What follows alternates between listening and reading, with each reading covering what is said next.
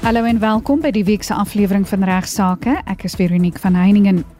Ignas Kleinsmid praat in die episode eerstens oor 'n vraag wat hy ontvang het van 'n bekommerde ma wat verband hou met haar dogter wat getrou het en voor die troue 'n prokureur saam met haar man besoek het om 'n voorhuwelikskontrak te sluit, maar dit blyk nou of die kontrak nooit geregistreer is nie. Die luisteraar wil nou weet wat hulle te doen staan. Dan bespreek ek nou ook 'n saak wat handel oor 'n beskuldigde wat wou kies in watter hof hy verhoor wil word. Dan laastens raak ek na 'n sensitiewe saak wat verband hou met strafoplegging in verkrachtingsake en in die geval 'n minderjarige. In die tweede deel van regsaake sluit familieregkenner prokureur Reet Oosthuizen van Reet Oosthuizen Prokureurs in Pretoria by my aan om te praat oor 'n onlangse hofuitspraak ten opsigte van die toekenning van regskoste in 'n reël 43 saak.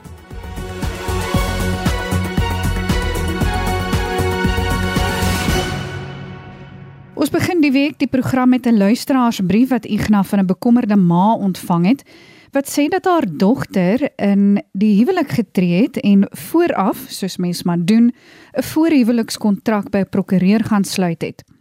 Hulle het nooit die kontrak ontvang nie en dit blyk nou dat die huwelikskontrak nooit geregistreer is nie. Die luisteraar wil nou weet wat haar dogter en man te doen staan. Ja, is sommer gou weer maandagooggend 12:30 en tyd vir my om namens die prokureursorde van Suid-Afrika met u lekker te gesels oor allerlei regsaspekte en regsaake en dinge wat hopelik vir u interessant gaan wees en waar dit u ware kan put. Die eerste een is nogal belangrik want ons kry 'n vraag van 'n luisteraar wat sê haar dogter het op 24 Maart 2007 die huwelik getree en vooraf het hulle 'n voorhuwelikse kontrak gaan sluit by 'n prokureur en uh, hulle nooit daardie kontrak regtig daarna weer gekry nie maar nou by nadere ondersoek blyk dit dat die kontrak nooit geregistreer was nie. En wat staan mense nou te doen? Nou eerstens net baie kortliks weer die verskil tussen huwelik binne gemeenskap van goed en buite gemeenskap van goed. By binne gemeenskap van goed gaan 'n mens eh, 'n uh, huwelik in sonder dat jy enigstens by 'n prokureur uitkom, daar word geen kontrakte opgestel nie. Wat joune is is myne en wat joune is is myne.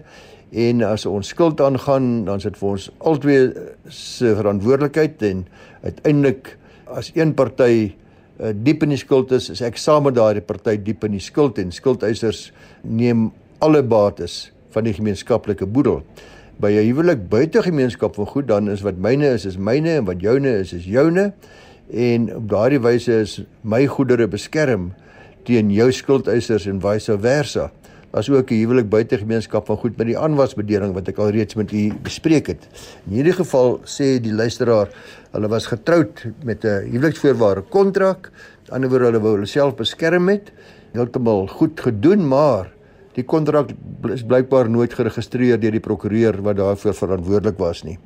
Nou die vraag is, beteken dit nou ongelukkig hulle kan niks daarin doen nie? Hulle is nou maar ongelukkig getroud binne gemeenskap van goed met al die moontlike nadelige gevolge daarvan al dan nie. Nou dit is sodat 'n HVK huweliksvoorwaarde kontrak moet gesluit en geregistreer word as daar huwelik tot stand kom tussen die partye, hy moet voor die tyd gesluit word en dan daar 'n sekere tydperk, ek dink 60 dae na die tyd wat hy geregistreer moet word. In gevalle soos hierdie gemeld sal die man en vrou dan ongelukkig binne gemeenskap van goed getroud wees ten spyte van hulle beduidelike bedoeling en voorneme om buite gemeenskap van goed te trou, maar daar is gelukkig 'n remedie tot hulle beskikking vir ons luisteraar en vir soortgelyke mense. Die partye kan wel 'n hof aansoek bring in die Hooggeregshof waarin hulle versoek dat hulle huweliksgoedere bedeling verander word vanaf binne gemeenskap van goedere na buite gemeenskap van goedere. Terloops ook andersom wat baie selde gebeur. Die meeste aansoeke is maar van binne na buite gemeenskap van goedere. Natuurlik moet hulle albei saam hierdie aansoek bring gesamentlik want hulle vir die hof baie mooi verduidelik wat gebeur het en hoekom hulle dan nou eintlik van voorneme was om te trou buite gemeenskap van goedere en hoekom hulle nou versoek dat hulle huweliksgoedere bedeling verander moet word van binne na buite gemeenskap van goedere. Die feit dat hulle nie bewus daarvan was dat hulle kontrak nooit geregistreer was nie, sal wat my betref beslis 'n aanvaarbare rede vir die hof wees om die verandering toe te staan as hulle dit kan bewys. Inteendeel het die hof 'n baie wye diskresie om hierdie tipe van aansoeke toe te staan, maar Daar moet baie duidelike en goeie redes daarvoor wees. Soms gebeur dit selfs om ander redes as die feit dat dit bloot nooit geregistreer was nie, maar ook om uh, besigheidsredes. Een van die partye wil byvoorbeeld die besigheid begin terwyl daar groot risiko's daaraan verbonde gaan wees. Maar belangrik luister daar so aansoek sal nooit toegestaan word voordat enige iemand tot wie se moontlike nadeel dit kan wees nie daarvan kennis dra nie. Hier praat ons veral van skuldeisers, want soos ek nou-nou vir u verduidelik het, skuldeisers sal benadeel word as hulle groot eis het teen die gemeenskaplike boedel en nou skielik is die party wat eh, die skuld aangegaan het getroud buite gemeenskap van goedere en nie meer binne gemeenskap van goedere nie en op die wyse word hulle benadeel. So skuldeisers sal die aansoek aan opneer en hulle moet daarvan kennis dra. Hulle moet dus 'n geleentheid kry om die aansoek te opneer. Maar ons uh, luisteraars kan maar berus by die feit dat krediteure slegs aansoek sal opneer as dit duidelik tot hulle nadeel sal wees. Nog 'n belangrike aspek van so 'n aansoek is dat 'n notaris dan 'n nuwe huweliksvoorwaarde kontrak moet opstel en sal daar dan in hierdie hof aansoek baie duidelik pertinent versoek moet word dat die huweliksvoorwaarde kontrak geregistreer moet word en dat dit toepassing moet vind op die partye se reeds bestaande huwelik. So ek wil die partye adviseer, ons luisteraar, weet nie wat sy is of haar kinders nie, om regsverteenwoordiger dadelik te gaan raadpleeg indien hulle steeds van voorneme is om 'n huwelik buite gemeenskap van goedere te laat verander want daar's 'n baie streng voorgeskrewe hofproses wat gevolg moet word. Let wel, natuurlik mysinsiens het die eerste regspraktisyn wat versuim het om hierdie HVK te registreer, nalatiglik opgetree. En die eerste stap is om hom te gaan sien en te of haar te gaan sien en sê maar meneer mevrou, ons kontrak is nooit geregistreer. Hoe is dit moontlik? Dis jou plig gewees, jy het dit nie gedoen nie. En dan behoort enige prokureur wat sy sout werd is op sy eie kostes hierdie foute herstel. As so 'n prokureur dan weier om te doen uh, uh luisteraars, dan kan u 'n ander prokureur gaan spreek en ek is seker van daai ander prokureur sal wanneer hy die fout dan herstel en dan die aansoek bring om u huwelik binne gemeenskap van goed te verander na buite gemeenskap van goedere soos u dit wou gehad het voor huweliksluiting reeds. Hy sal dan ook die ander prokureur aanspreeklik hou vir die kostes van die verspilde kostes van so 'n aansoek. Ek gaan bespreek nou 'n saak wat handel oor 'n beskuldigde wat wou kies in watter hof hy verhoor moet word. En hy verwys na 'n spesifieke saak. Ek bly nou in Rustenburg, maar ek hou nie baie van die straf of landros hier nie. Ek dink hy's baie streng of hy hoor hy stuur mense maklik tronk toe. Kan ek dalk nou maar sê ek wil in Kosterhof verhoor word of waar ek nogal. Of ek sê dis nie baie veilig by hierdie hof nie, dis in 'n gebied wat vir my gevaarlik is. Ek wil liewerste daar in die ander hof in Pretoria verhoor word. In 'n onlangse saak van Davids versus S aan einde van 2022 het die beskuldigde so aansoek gebring met die doel om 'n bevel te bekom tot die effek dat die strafverrigtinge teen hom en sy medebeskuldigdes eerder deur die Wes-Kaapse Hooggeregshof aangehoor moet word as die Polsmoor Korrektiewe Sentrum se periodieke hof. Sy versoek was gebaseer op die argument dat daar 'n sekere stigma kleef aan die Polsmoor periodieke hof uh, baie spesifiek dat dit 'n tronkompleks is en dat die mense wat normaalweg die verrigtinge volg by Polsmoor dit doen deur middel van 'n sekuriteitskamera se beeldmateriaal. Dis dis nie heeltemal werklike oop hof nie. As gevolg van hierdie rede het die applikant aangevoer dat die reg om vervolg te word in 'n oop hof op hierdie manier ondermyn word en hy wil liewers in 'n ander hof verhoor word. Hy wil liewers verhoor word in die Wes-Kaapse Hooggeregshof self, nie in die periodieke hof nie. Die belangrikste oorweging luisteraars wat die hof moes oorweeg in hierdie saak is om te verhoor in die periodieke hof van Polsmoor enigstens inbreuk maak op die applikant se reg tot 'n regverdige verhoor. Die ander kwessie ook belangrik waaroor die hof moes beslis was of die argitektuur van die hof van so aard is is nou hier in die Polsmoor gevangenis dat dit die persepsie kan skep van bevooroordeling teenoor die beskuldigde en verder die regverdigheid van sy verhoor kan ondermyn.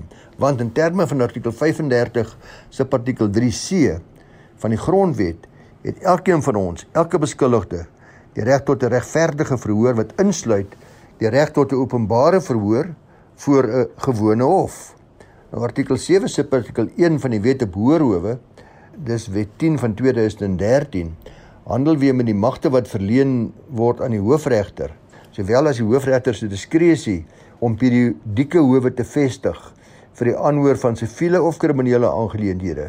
Dis gewoonlik om die las op howe te verlig. As daar te veel is, dan stel hy periodieke hof aan en gewoonlik in 'n ander perseel soos in hierdie geval die Polsmoor gevangenis en die respondent argumenteer dat periodieke howe soos hierdie een in Polsmoor gevestig was bloot met die oog om aangeleenthede so spoedig moontlik af te handel en verligting vir die gewone hof te bied en geen ander sinisterre redes nie. Die hof bevind dan ook dat die blote feit dat die hofgebou geleë is binne 'n tronkkompleks geensins die regverdigheid van die verhoor ondermyn nie. Verder dat hierdie spesifieke gebou, hierdie periodieke hof oor alle geriewe beskik om 'n regverdige verhoor vir die beskuldigdes te bied. So hierdie beskuldigdes se aansoek is van die hand gewys en hulle moes maar verdief daarmee neem dat hulle saak aangehoor sou word in die periodieke hof daar in die Polsmoor korrektiewe sentrum.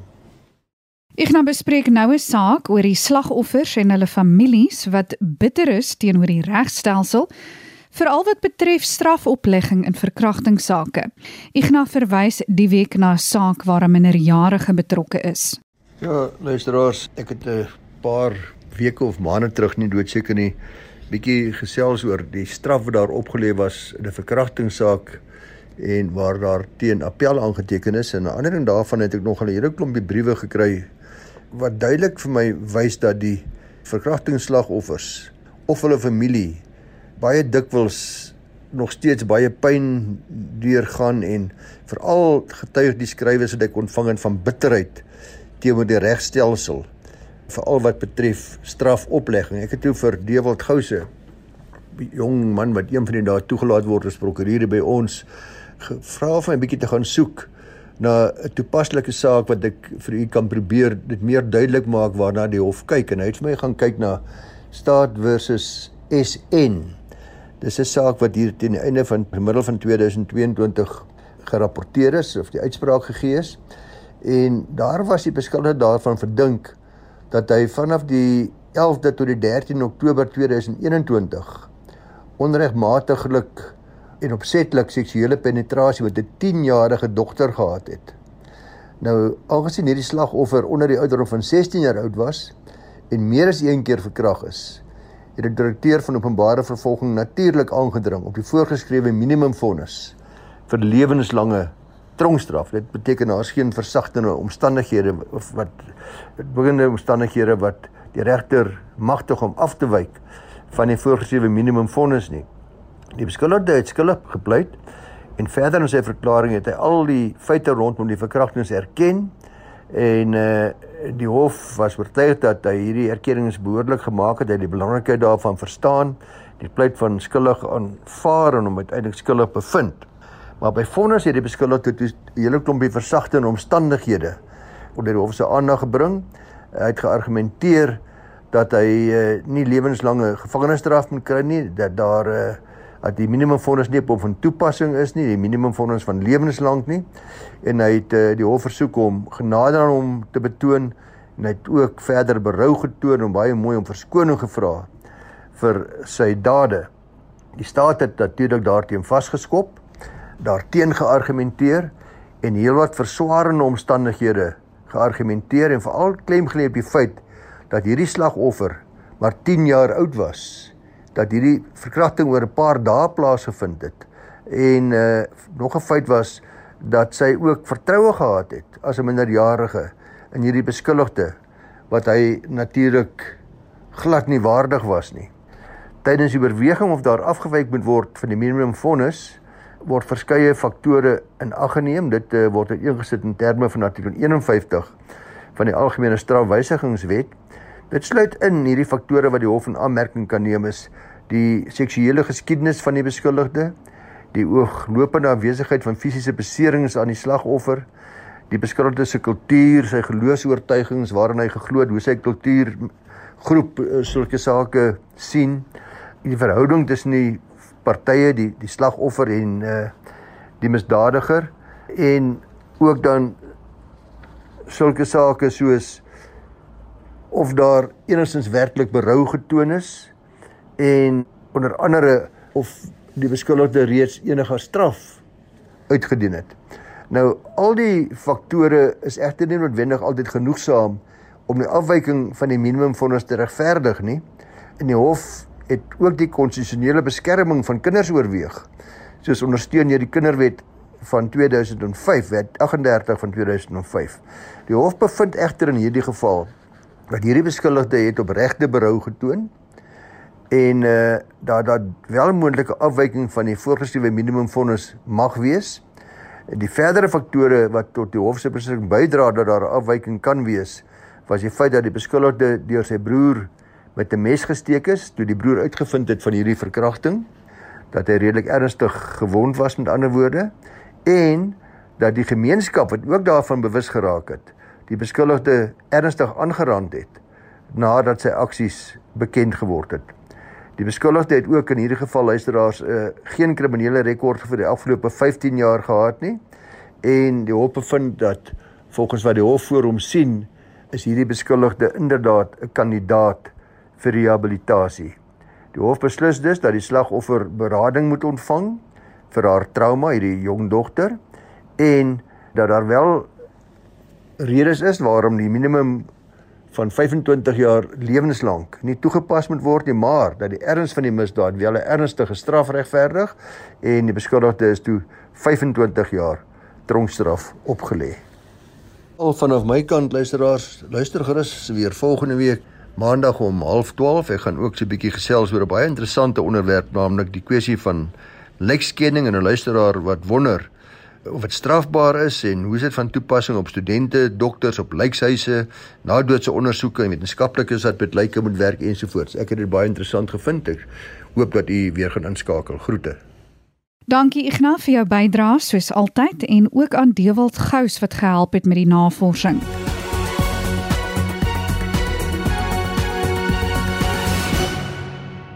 Ek verwelkom nou graag vir familieregkenner prokureur het Oosthuizen van Riet Oosthuizen Prokureurs in Pretoria. Goeiemôre Riet. Daar was onlangs 'n Hooggeregshof uitspraak ten aansien van reël 43 aansoeke. Kan jy eers net kortliks vir ons luisteraars bietjie agtergrond oor hierdie reël 43 aansoeke gee asseblief? Goeiemôre Veronique en goeiemôre aan al die luisteraars. Nou ons is in Februarie in die maand van liefde en ons het almal nou onlangs Valentynsdag gevier. Maar soos wat die luisteraars nou sal hoor, was daar absoluut geen liefde in die lug tussen die twee partye wat mekaar in die hof ontmoet het nie. Hierdie spesifieke uitspraak het gehandel rondom 'n reël 43 aansoek en dan nou ook die regskostes wat gepaard gaan met reël 43 aansoeke. Nou die spesifieke formaat van reël 43 aansoeke word nog al die jare baie streng deur die hofreëls gereguleer. So byvoorbeeld word jy beperk in die hoeveelheid bladsye van jou aansoek wat dit al die jare nog bitter moeilik maak vir jou regspan om jou saak behoorlik uiteen te kan sit wanneer daar 'n beperking is van 25 bladsye en dit moet dan nou aanhangsels of bewysstukke insluit. Verder het die hofreëls byvoorbeeld ook bepaal en bepaal dit tegnies gesproke nog steeds dat daar nie 'n antwoordende verklaring mag wees met reël 43 aansoek nie. Nou wat dit beteken is normaalweg sal die applikant sy funderende verklaring beteken waarin hy sy saak uiteen sal sit.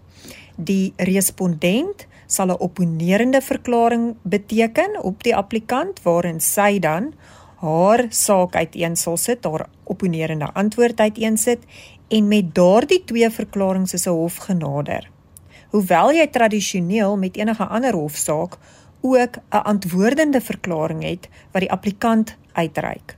Maar in reël 43 hofaansoeke bestaan daar nie so iets in terme van die reëls soos 'n antwoordende verklaring nie. Dit was met ander woorde ook iets wat 'n invloed gehad het en 'n rol gespeel het nog al die jare op die uitkoms van reël 43 hofaansoeke. Soms natuurlik tot jou kliënt se voordeel en in ander kere tot jou kliënt se nadeel. En dan was die bydrae tot regskoste ook al die jare tradisioneel beperkend van aard.